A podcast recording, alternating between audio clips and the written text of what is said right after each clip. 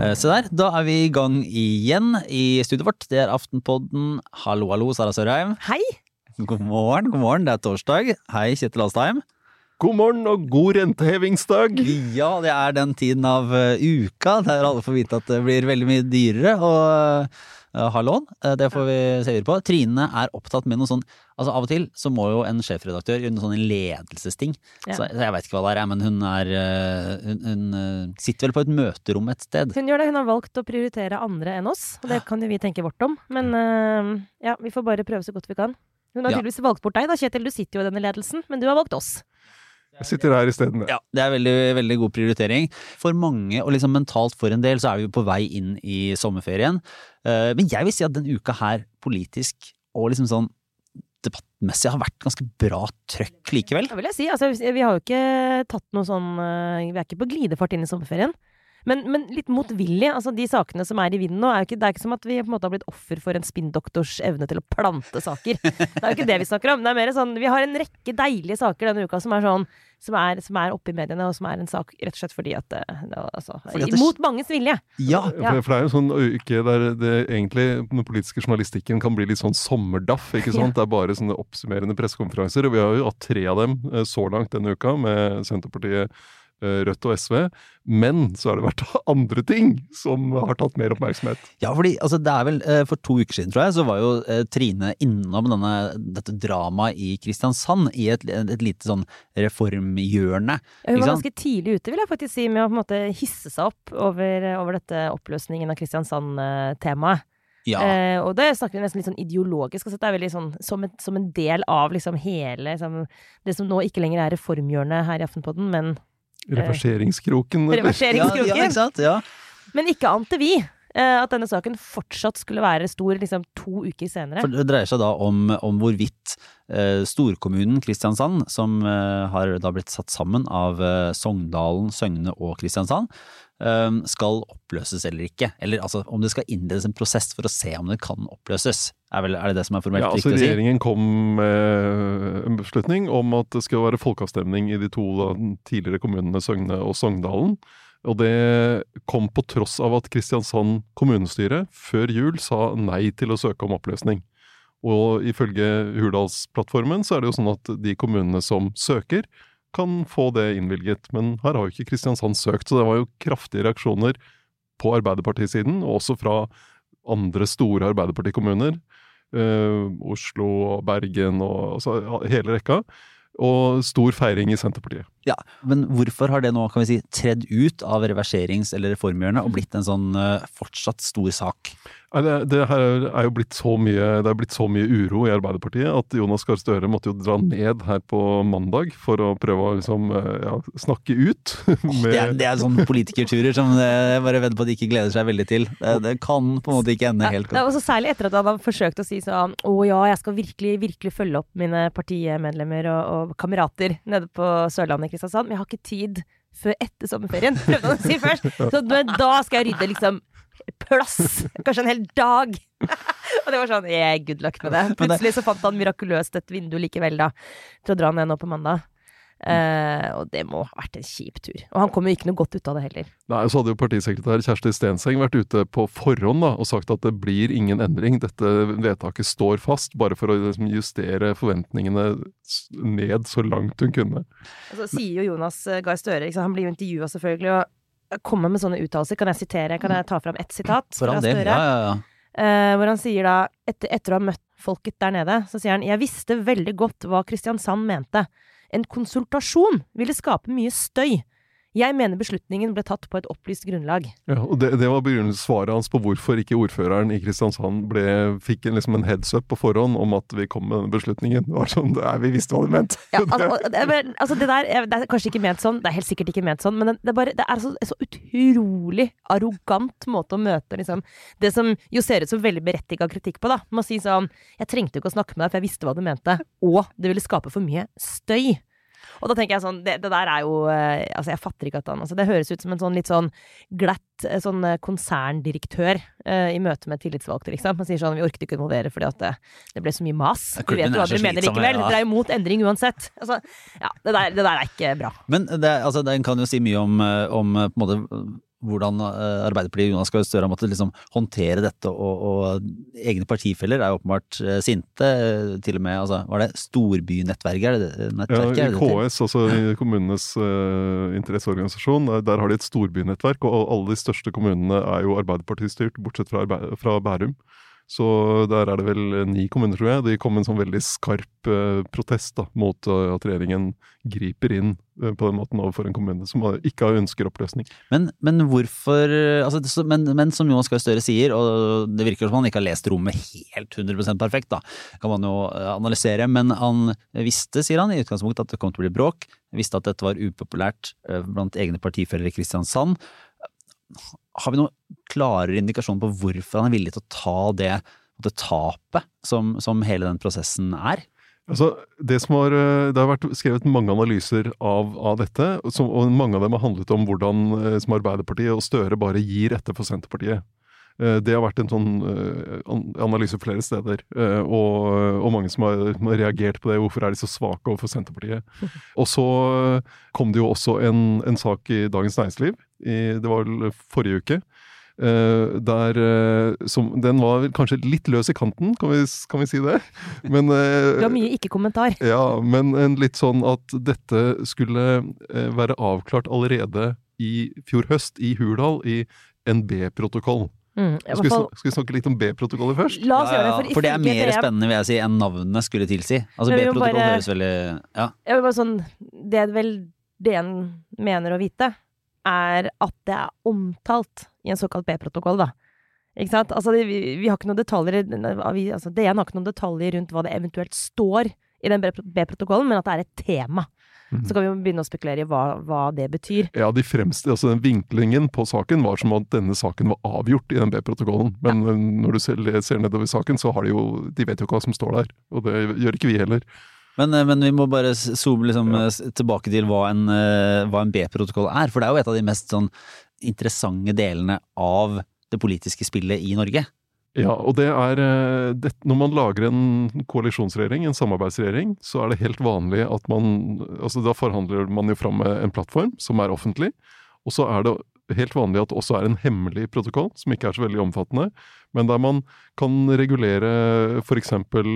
Da Kåre Willochs regjering, i høyreregjering, i 1983 ble utvidet med Kristelig Folkeparti og Senterpartiet, så var det en hemmelig protokoll ved siden av. og Der sto det annet eh, litt om hvilken innflytelse Willoch skulle ha på valg av statsråder. Og så sto det at de sakene som høyreregjeringen hadde lagt frem for Stortinget, de skulle ikke trekkes tilbake.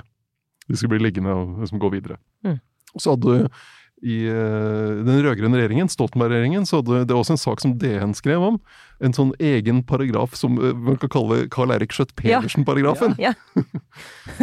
at de skulle få lov, for da var de enige, for han var jo ikke statsråd med en gang. Mm. Eh, Han kom til etter hvert, og det skal man visstnok ha blitt enige om i den B-protokollen. Var det ikke sånn at Arbeiderpartiet skulle få lov til å utnevne, eller Stoltenberg skulle få lov til å utnevne enda en statsråd litt senere i perioden? Ja, altså eh, Arbeiderpartiet ville ha inn en sånn koordinerende statsråd på statsministerens kontor for å liksom få dette samarbeidet til å fungere. Og så fikk de det ikke sånn med en gang, men det lå der som en sånn Det skal de få etter hvert. Og så kom først da Skjøtt Pedersen inn som statssekretær etter et år, og så etter valget i 2009 som ble han statsråd. Og, det, og en, en tredje eksempel, da. eh, Bondevik-regjeringen i 2001 med altså, Kristelig Folkeparti, Høyre og, og Venstre, så lå det i B-protokollen den såkalte selvmordsparagrafen. Det er nydelig. Og hva, hva, hva kan vi, vet vi hva den Altså, hva sto det der? Der sto det at hvis eh, noen skulle finne på å begynne å gå inn for at Norge skulle bli medlem av EU igjen, altså les Høyre, så var det over og ut for den regjeringen. Men, men det som er eh, altså, Det er jo gøy, da, for det er jo, det det er jo da en, en måte som de samarbeidspartiene kan, kan bli enige om noen ofte noen spilleregler på, da, eller som peker på noen ting som, som er enten hvordan de skal jobbe, noen retningslinjer for, for temaer som kanskje ikke er naturlig å skrive inn i plattformen, at dette er liksom tatt av bordet. eksplisitt, men vi har det skrevet ned at dette er tatt av bordet. Uh, men de eksemplene som vi har, og, og, og kanskje er det fordi at utvalget er, altså, det er de vi har blitt kjent med, men, men de vi har fra tidligere, er jo litt sånn overordna spilleregel ja, for gruppa, liksom. Hvordan skal vi jobbe sammen? Ja, ja, ikke sant. Vi kan, vi kan strukturere dette arbeidet på en litt annen måte. Det her er noen saker vi skal holde oss unna. Uh, nå vet vi ikke hva som står i denne B-protokollen fra, uh, fra, Hurdal, og Jonas Gahr Støre har jo bestemt avvist at det er noen direkte avtale som, som var gjort med tanke på Kristiansand. Men, men uh, hvis det likevel er sånn at det er omtalt liksom, spesifikke saker, så er, det, er det litt annerledes? Ja, altså, jeg eh, Det var også en, en, en DN-sak, faktisk, om en B-protokoll fra Solberg-regjeringen og fra Granavolden, da, altså da Kristelig Folkeparti kom inn i regjering. Eh, DN hadde en sak om at uh, spørsmålet om endring i petroleumsskatten skal ha vært omtalt i den B-protokollen. Og hvis det stemmer, så er jo det veldig saksspesifikt, da. Men jeg har problemer med å, å tro at det står noe veldig konkret om Kristiansand i B-protokollen fra, fra, Hurdal. Men det kan være annen, eh, noe der om hvordan regjeringen skulle håndtere de altså jo, De visste at de fikk en del reverseringssaker på fylker og kommuner, og at det står noe der om hvordan det skulle håndteres. Men, eh, og så er det jo litt sånn spennende å tenke seg inn, for det her er en sånn klassisk sånn hestehandel, virker det som. da. Eh, Arbeiderpartiet har de har både tapt denne her, da. Men du skrev en kommentar også i, på fredag, Kjetil, der du måtte antyder eller tegner opp et bilde av at dette dreier seg om altså flere kamper, og, og, og, at kanskje bare Jonas Gahr Støre har valgt seg sine slag å tape, og, og sine å vinne? Ja, det, det, her har vært en pakke. Eller det er en pakke av saker. Eh, og Vi har snakket masse om Kristiansand nå, men det kom en annen nyhet som liksom skled litt ut litt sånn stille. Og det var spørsmål om hva skal skje med Jevnaker når Viken oppløses? altså det her, det her uh, Jeg skjønner ikke hvorfor ikke flere har brydd seg om liksom, hva som skjer med Jevnaker. Som, uh, her har vi vært mange ignorante som ja, ikke har ja, sett verdien av denne saken. Men er det her Jevnaker, sorry, er det sånn Jevnaker har det noen politisk betydning? Ja, det er det det har. Ja. Men altså, Senterpartiet ville ha Jevnaker til Buskerud. Uh, mens Arbeiderpartiet ville ha Jevnaker til Akershus. Uh, og det, det fins saklige argumenter rundt det å samle Hadeland i Akershus, fordi Lunder også skulle dit. Eh, når Viken oppløses.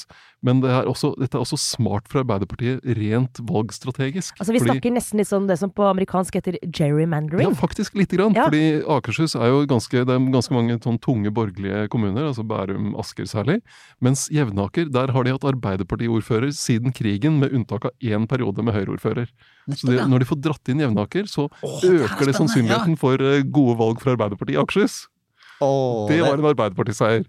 Nettopp. Og det er da du begynner å ikke sant? Og dette blir interessant. Det blir mer og mer interessant, dette her. For det er sånn der, ok, men hva er det som egentlig styrer deg da? Altså, mm, er det ideologi, politikk, hellig overbevisning? Eller er det dette? Eller en herlig miks, vil jeg si. ja, men, men, sånn er det jo med liksom, kommunestruktur og fylkesstruktur. Det er jo en sånn blanding av eh, både liksom, tilhørighet, ideologi altså Alt mulig rart møtes jo i dette her. Både sånn superpraktiske spørsmål liksom, på sånn nabolagsnivå, og litt sånn overordna strukturelle ting. fordi egentlig ja. så kunne jo mange av de grensene gått litt sånn tilfeldig hvor som helst. Eh, og så eh, tapper det inn i den erkenorske øvelsen nabolagskrangel i tillegg. Så du har på en ja. måte litt av en pakke. Men det som jeg ikke forstår, som kanskje du kan hjelpe meg å forklare, Kjetil, er at um, ok, så Hvis vi holder oss i politikken et lite øyeblikk til, da, så er dette en sånn vond sak for denne regjeringen fordi Uh, Arbeiderpartiet er jo ikke egentlig enig med Senterpartiet vel omtrent i det hele tatt, i utgangspunktet. Så Arbeiderpartiet vil ha større kommuner og er for sammenslåing. Senterpartiet er krakilsk imot. Så jeg skjønner at dette er et tema. Altså dette må jo ha vært et av de vanskeligste saksområdene å avklare de to partiene imellom. Så det er greit. Uh, men så, da, når du begynner å gå inn og liksom, lage en felles plattform, så er det én ting hva som står i Hurdal, og da blir de enige om at ok, eh, hvis det kommer et innbyggerinitiativ, og det blir vedtatt i et kommunestyre at de ønsker å splitte opp, da skal vi åpne for det. Sant? Det er jo det som plattformen slår fast. Og Arbeiderpartiet går med på, hvis jeg skjønte riktig. Hvis kommunen søker. Ja, ikke sant? hvis ja. kommunen søker. Ja. Og så har vi denne rare saken i Kristiansand, hvor kommunen faktisk ikke har søkt. Faktisk tvert imot vedtatt å, å være en storkommune. Ja. Og da hekter hvis jeg har skjønt dette riktig, så hekter Senterpartiet da det at regjeringen overstyrer lokaldemokratiet, som i seg selv er jo helt utrolig ironisk at Senterpartiet, regjeringen, altså som de er en del av, overstyrer Kristiansand. Men uansett, det de hekter det på, Kjetil, det er at det har kommet et innbyggerinitiativ i Søgne. Ok. Men så er det jo enda en sånn kommunesak som kom i går kveld, I som går- handler om Sandnes og en kommune utenfor Sandnes som jeg tror heter Strand. Strand, ja. Hvor det også har vært et innbyggerinitiativ om å få lov til å komme seg ut igjen av Sandnes. Ja, en bit av den. Altså flytte over en bit av det som Altså Sandnes og Forsand ble slått sammen. Ja. Eh, og så er det en bit av eh, gamle Forsand som vil over til Strand. Ja. Og det, eh, det er Senterpartiet veldig for. Ja. Arbeiderpartiet er imot. Eh, Arbeiderpartiet har ordføreren i Sandnes. Og i går kveld, sent på kvelden, så sendte kommunalminister Sigbjørn Gjelsvik fra Senterpartiet ut en pressemelding om at eh, sorry, partifeller i, i, i Strand og i Sandnes, det blir ingen flytting. Så der har Arbeiderpartiet vunnet. Og hvis du ser på reaksjonene nå Ja. fra Senterpartifolk i, i, eh, i Rogaland, så er de altså de er fly forbanna. Det her er så deilig. Det er sånn, uh, er sånn alle blir sure. Fra, ja, ja, ja. Uttalelse fra Skal skal vi se om jeg finner den her.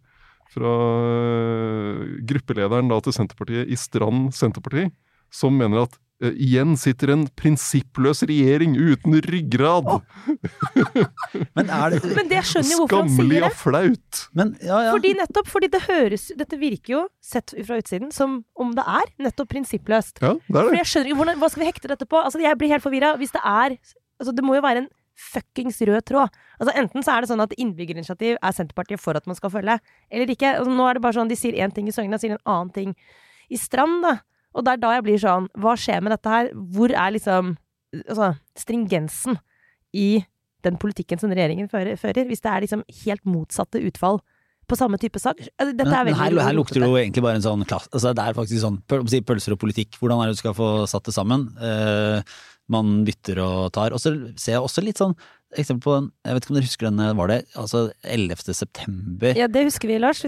Ja, liksom. Det er en stor hendelse i, i verdenshistorien. Men det var også en eh, Det var liksom satt seg som et politisk eksempel, fordi i Storbritannia så var det en rådgiver som jeg tror var i Downing Street eller et eller annet departement, som sendte en e-post eh, den dagen eller dagen etter, som ble eh, gjengitt og, og til sånn This might be a good day to bury some bad news. Ja, Tenk på Crash Day. Eh, som var, ja, ikke sant? Som var en veldig sånn uh, kynisk tilnærming til at bare nå eh, Hvilke anledninger har vi til å få, få bare tatt ut dårlige nyheter? Nå, jeg vet ikke om da regjeringa gjemmer seg bak flykaos eller andre ting som vi skal inn i, men det kan jo bare være at sommerferien er rundt hjørnet, vi må få unna eh, mye drit, og da tar vi eh, liksom disse nederlagene og seierne eh, si, før sommerferien, og så satser vi på at det går Ja, men over. dette har også vært et poeng fra Arbeiderpartiet i den interne runden i regjering om disse sakene, er at nå er det slutt. Nå setter vi strek, nå er vi ferdig med disse sakene. Det, det er også en del av den pakka. Men, men en, morsom ting da, om det med Strand og Sandnes, er jo at uh, fylkeskommunen har gått inn for det. Og statsforvalter Bent Høie mener det er riktig å gjøre! Altså gått inn for å Splitte For å, å flytte, av, flytte den biten Forsand over til Strand. Så det, Oi, oi. Men er vi da der, folkens, at altså det, dette greiene her, hva skal vi kalle det for noe, kommunekaoset, eh, er det bare i gåseøyne et resultat av en klassisk hestehandel, hvor de bare har sagt sånn, ok, vi må, vi må tape og vinne like mye, så dere taper den, vi taper den. Altså handler det ikke om politikk, egentlig handler det bare om at, eh, om at alle skal være like misfornøyde, eventuelt like glade etterpå. Er, er, er dette ren hestehandling? Dette er altså den, øh, Sånn jeg har fått det beskrevet, så var det sånn f.eks. den saken med, med Jevnaker. Hvor skal Jevnaker være? Da var det til slutt sånn de hadde diskutert i regjering, og så til slutt var det sånn partilederne, altså Støre og Vedum, de finner ut av dette. Kjempebra funnet ut, da. Dette gikk jo utrolig fint. Det er liksom det eneste det er som, som er igjen nå, er regjeringen virker ryggesløs, prinsippløs, og alle er sure. Men det kan jo, ja, men så av og til da er det ute av verden, så er det på en måte ute av verden. Men eh, hvis vi bare, for å ta enda et sånn overordna blikk på dette her, og for jeg må stokke tankene litt på det sjøl, vi trenger ikke å bruke så lang tid på det, men bare sånn, altså hvorfor eh, hvor, hvorfor, bryr, hvorfor bryr de seg, på en måte? Og, og hva er egentlig sånn helt sånn basic grunnposisjonen til eh, Senterpartiet og Arbeiderpartiet i de sakene her? Hvis det er litt sånn overordna, litt sånn ideologisk. Altså Senterpartiet var jo mot kommunereformen altså, og, og sammenslåinger. Ja, men nettopp, men fordi de mener at eh, beslutningene skal tas nærmest mulig folk. De vil uh, mene at uh, tjenestene blir bedre av at uh, De de som små- de kjenner små forholdene best, eh, lokalsamfunnet best, kan være med å bestemme. eh, og at på en måte at, at, de, at kvaliteten på tilbudet lokalt sett eh, blir dårligere av en form for sentralisering. Ikke og så har Arbeiderpartiet hatt De hadde jo et utgangspunkt der de var, mente at det var riktig med en kommunereform, fordi eh, altså ting er skjedd i samfunnet siden kommunekartet ble tegnet sist. Vi har fått internett f.eks. og digitale tjenester, og vi har en, eh, en situasjon med flere eldre som kommunene, altså kommunenes oppgaver tilsier at de må bli litt større for å takle dem. Men så kom jo de, var jo de på en sånn glideflukt gjennom forrige under Solberg-regjeringen, fordi det ble vanskelig å stå og forsvare det, og så ble det litt mot, og så ja, sånne ting. Både imot tvang og Men de, de, har jo egentlig en litt annen tilnærming til det. Ja, men Det blir vel noen spørsmål til Jonas Gahr Støre når han skal ha sin sånn uh, oppsummerende pressekonferanse om det her i, i morgen uh, fredag. Ja, og den B-protokollen, før vi bare siste ting, Ja. den kommer jo Åssen er dette her igjen? Sånne B-protokoller er jo hemmelige til de ikke er det lenger. Fordi de tilhører jo vårt felles eie. På et tidspunkt så går de inn i liksom Riksarkivet, eller ja. hva det er het for noe. Riksarkivet. Jo, Ja. og så blir det jo offentlig da etter en del år. Ja, For det er bare siste lille tvist på denne saken er at nå er det jo, eh, altså som, som du nevnte, Lars, Jonas Gahr Støre har avvist at dette var en avtale som sto i en B-protokoll. Vi vet ikke ordlyden. DN hevder å vite at, de, at det er et tema på en eller annen måte. Altså Her er det veldig mye spenning rundt det. Det som er, er at hvis man ljuger nå, eller hvis man sier noe usant, så på en, en dag så vil jo denne protokollen bli offentlig. Og vi gleder oss til den dagen! Og så bare husk å skrive det inn i kalenderen. Eh, liksom, eh, og da skal vi lage en, Samme hva vi driver med da med pensjonister, så skal vi lage en ekstrapod, syns jeg. Ja, ikke sant? Ja, Mm. det, det, det høres ut som en veldig, veldig god plan. Nei, vi, får gå, gå videre til eh, det som har vært denne ukas andre store sak. Eh, Det har jo da kommet eh, kjent, det ble kjent på mandag egentlig, at, eh, at Skatteetaten nå mener at Stortinget har eh, sett på, på si, sine ordninger for Altså, de har, at eh, Stortinget har feiltolka reglene for beskatningen som skal gjelde for Stortingets representanter og deres goder, eh, spesifikt da pendlerboliger i dette tilfellet. Um, Så nå rulles det jo opp, og det er jo da totalt sett 45 eh, politikere fra Stortinget i perioden 2017 til 2021, og i regjeringa da, i, i tilsvarende tidsperiode. Eh, Var det 28 stortingsrepresentanter og 17 medlemmer av regjeringen? Ja, Eller regjeringspolitikere, det kan være ja, statsråder eller Ja. politiske rådgivere eller statssekretærer. Og så kan det være noen av de 28 kan jo ha vært stortingsrepresentant en periode, og så regjeringspolitiker senere. Så det, vi vet ikke om det er 45 egentlig, men det er et sted mellom 28 og 45, da. For Nettopp, noen, sant? noen kan jo være i begge kategorier. dobbelt. dobbelt. ja. Ja, Mm. nettopp. ja, ja det, det er mulig. Uh, Men det er uansett et høyt tall, må være lov å si. Ja, og innafor en ganske kort periode, for da har de jo bare sett på, på forrige stortingsperiode, egentlig. Og så viser det seg i liksom, eh, medienes eh, jobbing med dette her den siste uka, da, er jo litt mer komplisert av at dette ble kjent på mandag. Eh, Stortinget fikk jo denne rapporten her på torsdag i forrige uke. Hva skal jeg si, heldigvis for en del stortingspolitikere. Det skal ikke komme noen anklager om at dette var bevisst, men det var en, kanskje en lettelse for noen at det var siste dag med, med, med program på fredag i forrige uke, sånn at på mandag så var stortingspolitikerne spredt for alle vinder. Absolutt. alle vinner. Uh, og det har fått veldig mange sånne ingen kommentar, ikke svar på tekstmeldinger-opplegg. Ja. for nå er jo det store spørsmålet egentlig Én ting er hva har Stortinget på en måte informert om, eh, hvordan har det vært håndtert? Men til syvende og sist så er jo dette et ansvar for den enkelte politiker. Eh, Hvordan man har forholdt seg til skattereglene. Eh, Så nå lurer man jo på hva som skal tilbakebetales og hva omfanget av dette egentlig er. Og ikke minst hvem dette gjelder. Og det her, hvis vi starter litt med den der sånn, hvordan skal man håndtere det? Altså dette er jo ekstremt kompliserte regler. Jeg, helt, jeg har full respekt for at det kan være vanskelig kanskje for eh, de det gjelder, å skjønne egentlig Altså de må sette seg inn i saken, og det, det, det tror jeg helt sånn reelt er ganske krevende, altså. Så det har jeg forståelse for. Men hvis du bare liksom tenker sånn, hva er lurt ut fra et sånt håper å si omdømmeståsted, eh, når du vet at du står på den lista? Altså, de, de må tenke ganske fort. Ok, Skal man liksom bare sitte stille i båten og håpe at det går over? Skal man bare liksom tviholde på sin anonymitet? Eller skal man gå ut så fort som mulig og Ja, ok. være blant de som ikke sant? Ja, for Da- det der er jo ganske ja. vanskelig. Dette Men da her Der ser, der ser du jo noen to eksempler, eh, i hvert fall, da, som eh, på litt ulik håndtering. Der du har, eh, har eh, justis- og beredskapsminister Emilie Enger Mehl som gikk ut, eh, kom til VG med alle papirene sine. Gikk ikke bare ut, vi gikk til VG. Gikk til VG, la frem 17-siders brev, og jeg, det hun må betale 50 000 eller noe sånt. Mm. Eh, og det gjør hun. Ikke, ferdig med det. Ingen klaging her på tolkning av regler. Og det er jo eh, Hun er jo ikke den som har fått den høy, høyeste skatteregningen. Eh, Men 50 000, det å bare si 'det betaler jeg', det er jo en måte å, på en måte betale for å legge saken død. Ja. Ja. Og så har du Torgeir Knag Fylkesnes, nestleder i SV, som ikke har fortalt hvor mye eh, det er snakk om for hans del. Eh, og som er, kan være et eksempel på politikere som har trodd at de har gjort det riktige, og spurt Stortingets administrasjon om kan jeg gjøre det, er det sånn jeg skal gjøre det, og mener han har fått svar fra Stortingets administrasjon om at ja, det er sånn du skal gjøre det, og da slipper du å betale skatt. Og her er det jo en konflikt mellom Stortingets administrasjon og statsministerens kontor på den ene siden, og skatteetaten om hvordan reglene skal tolkes. Men la meg være litt sånn hardliner på dette her, da. Fordi en ting, jeg skjønner ikke hvordan de eh, ikke kan være Altså ikke bare kan være helt åpne på dette her. Det kommer jo fram Jeg tror liksom praktisk sett så kommer det jo fram til slutt uansett. Og hvorfor all verden skal man ikke forvente av politikerne som er på en måte folkevalgte, har fått et offentlig gode, ikke har klart å etterleve reglene de selv har vært ansvarlig for. Mm. Uh, at ikke de bare skal si sånn Sånn står denne situasjonen nå. Uh, skatteetaten mener at uh, her er feilen. På en måte ta velgerne med på prosessen der av å finne ut dette her. Jo, men ja, jo, men vet akkurat her Jeg skjønner Ja, det kan man si, og det er sikkert Det er nok en klok strategi veldig, veldig ofte også her, å liksom bare legge korta på bordet. Men det er en kompliserende faktor, og det er jo den rollen Stortingets administrasjon har hatt.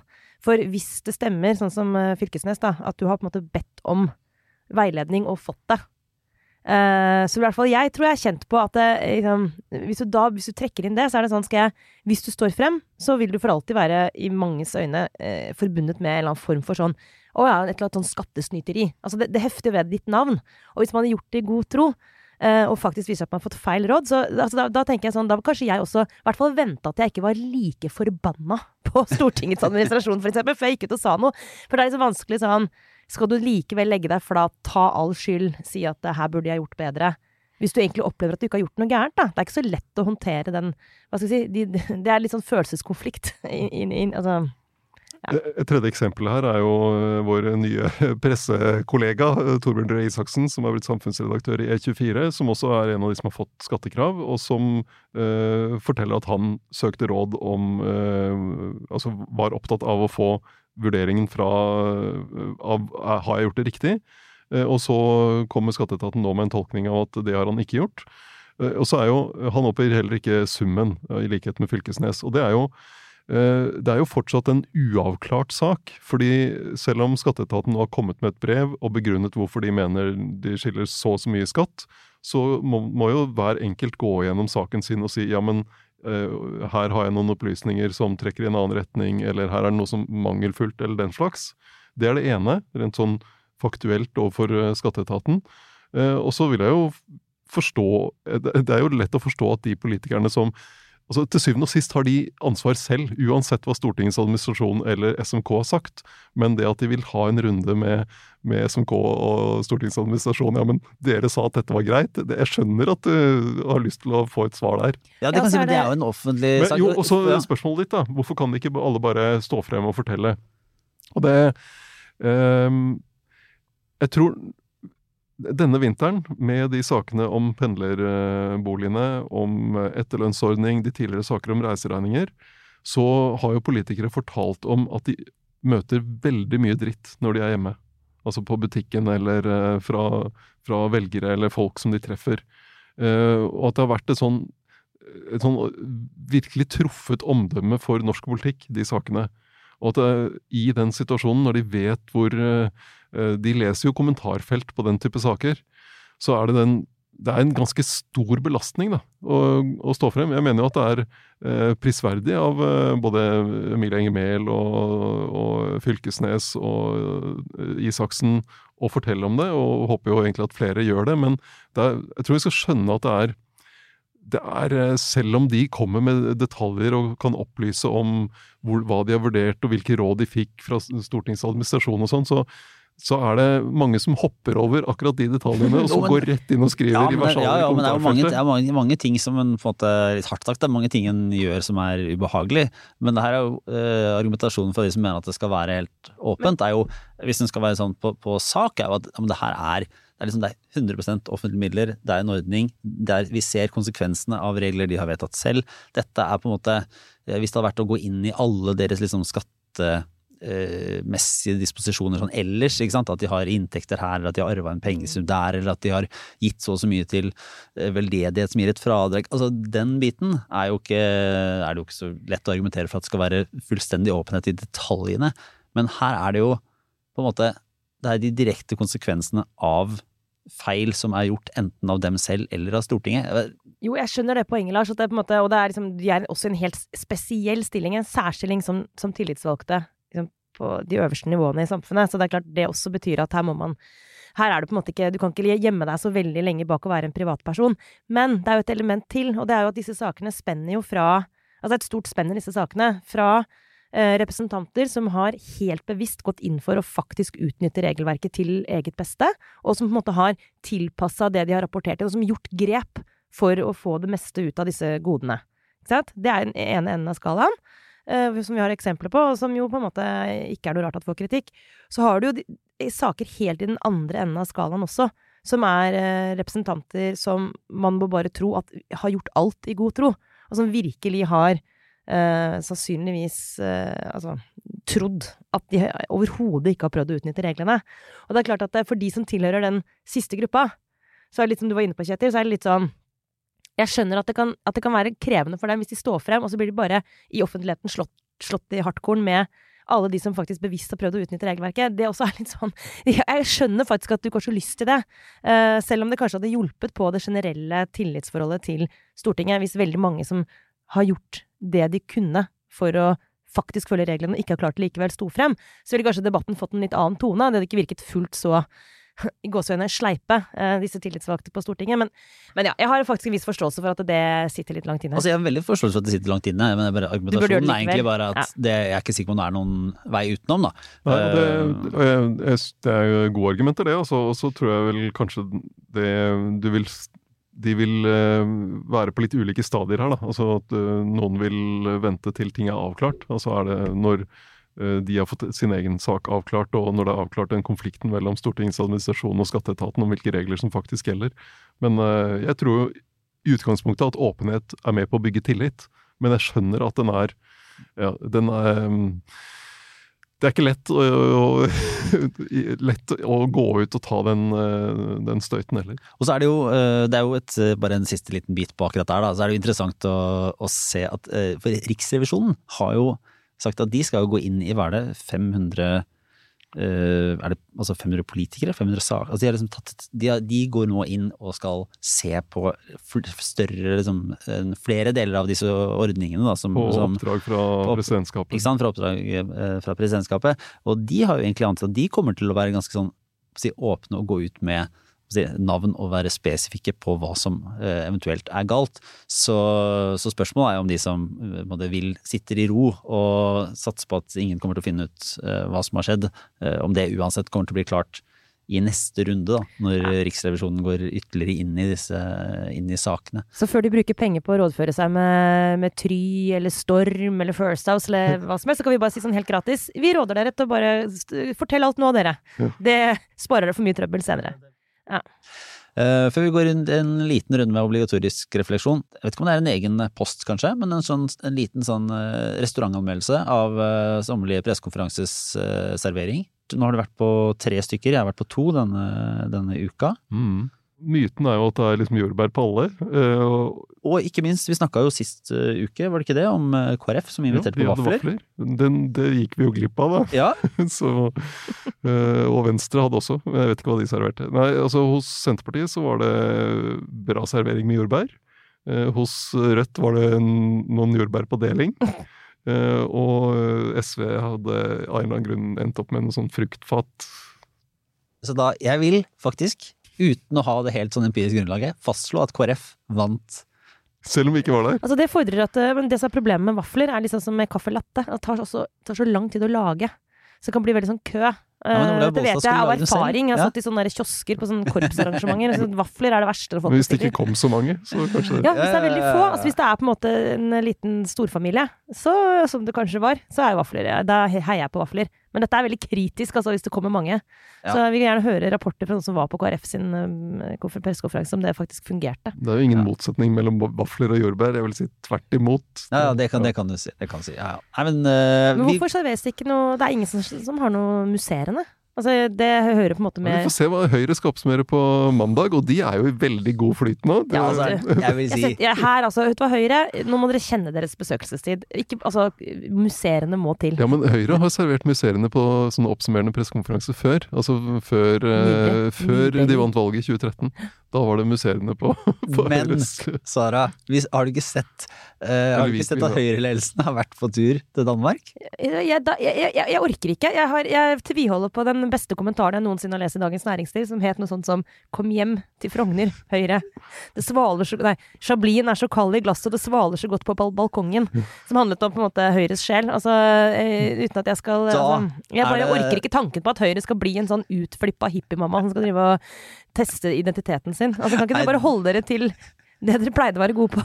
Altså, okay, der- fortell da, jeg nei, nei, nei, altså, det, er ikke, det, er ikke, det er ikke sånn veldig Det er ikke et veldig veldig grovt brudd, men jeg vil si at det er et, stykke da fra den uh, svale kvelden på Frogner-terrassen med, med Chablin til uh, Høyre-ledelsen som dro på Jeg vet ikke om det var et seminar, eller om de bare tok med seg uh, VG på tur til tivoli i, i København. Der de tok, fikk, seg, fikk bilder av ledelsen i berg-og-dal-bane med litt sånn wii-tilnærming. Å nei. Og, som det for øvrig også brukte anledningen til å snakke Det det var et politisk eh, spørsmål til å snakke om økt aktivitetsplikt for eh, sosialhjelpsmottakere. Litt usikker på kommunikasjonen. Ja? Um, Aktivitetshjelp, altså hjelp til å Ja. komme seg på tivoli, liksom. Dette var veldig rart. Nei, nei, nei. Før de da dro hjem med danskebåten, og har også da VG på plass med bilder Fra taxfree. Fra taxfree, der de liksom uh, står og sorterer uh, nederst i hylle for uh, rødvin, fordi de er på, er på klassisk folkelig tur. Så, så hvis det er noen som eh, Det har nok sittet noen og, og tenkt gjennom dette her på forhånd også. At, så det, det bildet, det er ikke på balkongen med Chablis eller museene på avsluttende pressekonferanse. I så fall er det en veldig stor spagat. Det var jo også tydelig eh, i en bildetekst her at Erna Solberg klart foretrekker rødvin. Ja, ja, akkurat det har jeg faktisk. Jeg har sett henne drikke rødvin på sommerfester. Eh, og det også er et brudd med Altså, dette er sånn alle vi borgerlige mennesker, altså også kulturborgerskapet som jeg kommer fra. Altså, om sommeren drikker man hvitvin. Om vinteren drikker man rødvin. Det er noen sånne grunnleggende verdier som også hun har fucket opp på, for det har faktisk observert selv, da, som sagt, eh, Erna drikke Det er sånne ting rødvin på sommerfest. ja. Og det er også veldig sånn Altså, det skaper utrygghet hos enkelte. Ja, eller sånn derre ikke ha Eller sånn sokker, brune sokker i sandalene. Ja. Ja, liksom. det er Ja, sokker ja, i men Ja. Det er forskjell på sokker i sandalene, men ikke ha brune sko etter klokka seks. Men det skal man ikke ha. Nei, det er En gang så hadde jo kong Olav, dette står i biografien som jeg tror Jo Benkow skrev om kong Olav, at uh, han hadde kommet ut av rommet sitt på Slottet med brune sko etter klokken seks. Og så hadde han hoffsjefen, eller hva det nå er, eh, kommet og kommentert at eh, unnskyld, herre konge, du må ha gjort en liten feil, du har jo på deg bru De, sier man vel da, har på, på dem brune sko. Og da skal visstnok kong Olav ha sett ned på beina sine, så skal han sagt det driter jeg i, jeg er konge! og det har han faktisk lov til. Kongen Oi. har lov til å bryte reglene, ingen andre. Nettopp. Ja, ja. Nei, Jeg snakket med en Høyre-representant på Stortinget en gang, som eh, når det var litt så lange møter, og det strakk seg etter klokken 18, så gikk han på kontoret og byttet fra de brune til de svarte skoene. Det er så nydelig, altså. Da, noen, jeg tar, jeg tar den kula. Noen må så slå et slag for litt sånn eh, Hva skal jeg si for noe, da? Det litt sånn eh, reaksjonære tradisjonssamfunnet. Hvor man bare holder orden på en del ting. Så nå en, eh, dette, ja, Men eh, dette gjør meg til nyhetsunnviker. Jeg har ikke fått med meg den Ja, saken. nei, eh, nei, så, ja. så det- nei den, ja. det får det være. Nei, vi tar en kjapp Vi får stramme litt opp på runden med obligatorisk refleksjon. Oppstramming. Greit. Skal det deg, Sara? Nei, jeg, kunne snakka om mye, men jeg tar jo som regel det som ligger mitt hjerte nærmest. Akkurat nå er det sånn generell reiseirritasjon. Ja, er, du, er du et offer for flykaos? Ja, altså det har bikka over til Det er ikke bare at jeg er sur reisende. Jeg har liksom ikke bikka over i sånn Jeg føler at sivilisasjonen slik vi kjenner den, på en måte er over. Altså, jeg bare er blitt en Altså, jeg Nå er jeg rett før jeg drar hjem og kjøper hermetikk og bare drar på hytta og bare kommer aldri tilbake. For jeg prøver jo å leve et liv som et menneske som forholder meg til både Oslo, men også andre hovedsteder i vår nærhet. Så for eksempel denne sommeren så har jeg tenkt å dra til København. Uh, og tenkt at uh, det kan jeg ikke gjøre med fly. Eh, fordi det er flykaos. Klima... Nei, fordi det er flykaos. men, altså, men da kan jeg også for en gangs skyld bli sånn som Kjetil. Som da kan jeg jo late som at jeg tar tog av eh, ideologiske årsaker for å ta min del og være med på dugnaden. Så jeg tenkte jeg skulle ta tog til København. Uh, og så er jo ikke det Altså, det går, det går teknisk sett an å komme seg til København kollektivt, men det er jo et Altså, det der togtilbudet er jo en forbanna vits. Nå kommer jeg sent til festen, altså dette er folk lagd over i årevis, men sånn Det er jo for det første veldig dårlig med forbindelse til, til København fra Oslo.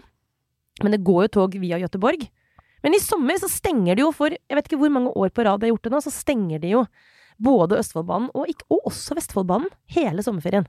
Så du kommer deg jo ikke Du må ta buss for tog, da, og hvis du har med deg barn og bagasje Det er jo et mareritt. ja, det kjenner jeg vi har, eh, av alle ting, så har vi planlagt en tur til Bergen. Eh, og da tenkte Bergensbanen skal jo være så fint. Ta med to unger, eh, veldig, veldig små unger. Ja. Eh, og så er det buss for tog i første del. Så var det sånn, Jeg lurer på om vi bare skal drite i det. Jeg vet drit i det. Altså, gjør sånn som meg. Kjøp hermetikk. Bare dra om du har en hytte, dra på hytta. Hvis ikke, bare bli hjemme. Altså, er, og så lurer jeg på sånn rent Jeg er klar over at dette blant annet skyldes at de skal bygge Follobanen. Uh, så det er en del sånne type ting som kanskje skal gjøre det bedre på sikt, da. Å reise med tog. Uh, og jeg skal gladelig innrømme at jeg ikke har detaljkunnskapen her om hvordan det står til, men at de For jeg har hatt små barn i nå er snart ni år, og jeg kjører ikke bil. Og hver eneste sommerferie, så lenge jeg har hatt små barn, så har jeg holdt på med det her buss for tog-greiene. Og nå er bare tålmodigheten slutt. Men nå må det gå tog. Det, det, jeg ser så mørkt på det der. Altså, jeg tror, jeg, jeg tror det kommer til å være buss for tog forever. Ja, men jeg dør av det, Kjetil. fordi En ting er at de bygger nye ting og sånn, og det er jo fint, men så er det det vedlikeholdet. Det eh, det er, da tenker de det er lurt, vi tar sommeren, da bare stenger vi. Folk er jo på ferie likevel. Ja, vi skal på ferie! men det derre togtilbudet eh, til Europa er jo Det holder jo ikke. Altså, det, det er eh, en ting, Du kan komme deg med tog fra Oslo eh, via Gøteborg, eh, Malmö, København og så nedover. Men hvis du skal hjem igjen, så er det sånn, da skal du ta ganske tidlig tog for at det skal være en forbindelse fra Göteborg til Oslo, f.eks. Og det, vi har jo fortsatt ikke nattoget som eh, vi hadde en gang i tiden. Og det, før hadde vi jo nattog til Hamburg, ikke sant? Helt supert. jeg føler også, Vi snakker litt om identitet ikke sant? med kommunesammenslåing og folk som er opptatt av det. Ja, det er jo ikke jeg. Altså, jeg må bare si at hvilken kommune jeg tilhører, det bryr jeg meg så lite om. Oslo. Ja, Oslo, da, Da bryr du Jeg elsker Oslo. Ja. Men uh, uansett, men, uh, nok om det. Men bare det å være et menneske som reiser med tog, det har jeg jo lyst til å være. Og også det å reise fra by til by, sånn intercity i Europa. Altså alt det der, jeg, jeg har så lyst til å omfavne, så det hadde kosta meg null å bruke litt lengre tid på å reise. Jeg, kunne, altså, jeg liker ikke å fly, jeg vil helt gjerne droppe det. Og da snakker jeg ikke bare, som sagt, ikke altså, Også fordi at det å være en togreisende Ja, det er litt mer fint, romantisk, Ja. Det er så romantisk og fint. Altså, det, så, det må da være flere som meg, som, som gjerne, om det ikke er for de rette årsakene, kanskje er for mer forfengelige årsaker, men sånn veldig gjerne vil reise på den måten. Og det er, jeg føler at det er, sånn, det er så skammelig at man ikke klarer å fikse det i år 2022 i verdens rikeste land. Det kan ikke skje nå, nå som flyene bare Hele fly-Europa ramler sammen. Ja. Eller vi i Aftenpodden med vår sterke påvirkningskraft. Kanskje nå bruke stemmen vår til å få gjort noe med dette her. Drive frem. Ja, ja. Nei, men vi, vi får nå se. Ja. Jeg tror jeg skal egentlig bare ha en kjapp uh, podkastanbefaling. jeg. Det er en stund siden eh, sist. Eh, det her er en eh, Jeg vil si det er en sånn femmer eh, true crime-aktig podkast. Men som har noen elementer som, som gjør, at det, gjør at det trekker opp. Eh, Den heter altså, en del av den Conviction, eh, som er en slags liten serie. Men heter The Disappearance of Nuseiba Hassan.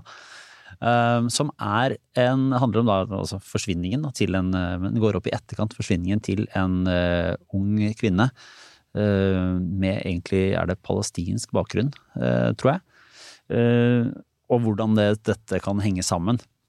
Men det litt fascinerende er at det er hun som journalisten som eh, forteller den historia, har en veldig interessant bakgrunn. For dette går jo liksom inn i familie og kultur og opprør og eh, sånn kulturelle forventninger og mange sånne ting. Men der, der hun som eh, forteller det, da, er, er veldig flink til å bruke sine egne erfaringer på en, på en sånn saklig og god måte. Ikke sånn derre Ikke sånn irriterende jeg-egosentrert. Nei, nei, det er ikke sånn at hun egentlig vil fortelle sin historie, og så bare kobler det på en tilfeldig For det er en klassisk, det er jo mange er- journalister som lider av akkurat den. At de leter etter en kilde som kan speile dem selv. Så Bare, kan, ja. ja, eh, egentlig ville fortalt en selvbiografi. Så, nei, så den er bare en, en liten anbefaling uh, som uh, Den er ikke sånn kjempe, kjempelang heller. Så den- den heter, The, The Disappearance of Nuseiba Hassan. Fra Conviction. Så jeg skal lenke til den i eh, nyhetsbrevet, så, så man også bare kan klikke seg inn. Og nyhetsbrevet, hvis det er noen som ikke helt har skjønt det, det får man altså ved å gå inn på uh, aftenpodden.no og melder seg på. Så må du riktignok være abonnent uh, på Aftenposten, men det vil jeg anbefale alle å være uansett. For da kan du også uh, høre eh, neste ukes podkast, som jo er forbeholdt Aftenpostens abonnenter. eh, og eh, de som da er inne i eh, Podme. Så bare for å få nevnt det òg. For nå er vi jo åpent for alle denne uka her. Ja, ja, så, så det er jo mange som, eh, som kommer inn. Hallo, alle! Hallo alle! Bli med! Åssen er det med deg, Sider? Jo, eh, jeg har eh, Jeg driver og ser på en serie. Bare Dette er egentlig en anbefaling til alle de som da hadde planer om å dra til London, og så blir flyet kansellert, eller, eller de får ikke pass, og så får de ikke reist. Da kan de se på Top Boy på Netflix, en som er, er en sånn eh, veldig trist side av London som du ikke oppsøker som turist. Og så For- fint å heller bare nyte å ikke være i London. Ja, ikke sant? Så Ja. jeg tenker at dit vil jeg ikke dra. For dette er fra liksom, sosialboligområder, og det er eh, narkogjenger og sånt. Og det er eh, Jeg begynte å se på den fordi Nasnin Khan Østrem, som er kommentator eh, her i Aftenposten, skrev om den serien veldig begeistret eh, tidligere i vår. Det ligger to sesonger på Netflix. Eh, og så tenkte jeg at dette må jeg prøve. Og det er, det er veldig bra laget, og det er, uh, det er spennende, og det er eh, engasjerende personer, og det er, det er det er ikke Det er på ingen måte glorifisert. Altså, du ser dritten i hele det der narkosystemet. Litt som egentlig Snabba Cash, den svenske serien, gjorde. Og litt som Gomorra, den italienske serien, gjør. Eh, Så du får spenning, og du får litt sånn eh, det er, Men det er ikke glorifisert. Du ser at dette vil du ikke inn i. Men er det, er det bare sorgen, liksom? Eller er det også noe sånn, noen mennesker Nei, du ser, altså de blir, jeg syns jo de blir eh, I hvert fall uh, noen av de menneskene du, du skjønner hvordan de handler, og de prøver, å, de prøver å løse en eller annen situasjon som de er bare Det er ingen gode alternativer. De har, altså de har en kommune her som vil ut av den kommunen der, og så har de en annen kommune der de vil være sammen. Og så er det ingenting som kan løse det. Og så blir det sånn gjengoppgjør. Ja, så må du bare akseptere at du taper noen, Så og du må du gjøre en, ikke en hestehandel, men en narkohandel Ja. for å komme deg ut av det. Ja. Ja. Så da er ringen eh, slutta. Ja. Nei, men eh, vi er eh, tilbake neste uke. Vi tar ikke sommerferie helt ennå. Vi holder på en stund Det, til. er, det er mulig at noen av oss er stuck på en buss for et tog eh, på den tiden neste uke. Det må vi dessverre bare som en sånn Men- advarsel. Ikke sant? Men det er ikke alle. Og Ikke alle, jeg er ganske sikker på, satser på at Trine ikke må lede noe som helst eh, neste torsdag. Så da er hun altså tilbake. Så ser vi om denne Kristiansand-saken har eh, løst seg, og Jonas Gahr Støre kan slappe av på hytta si i Tvedestrand, er det det? Som Ja, som eh, han, eh, sørlandsvennen han er? Ja, Sørlandet er mitt paradis, som han sa til Se og Hør for noen år siden. Sjekk i stad. Mon det. Ikke, ikke gjentatt denne, denne uka. Nei, men det er fint. Det var denne ukens Aftenboden. Takk for nå. Ha det bra.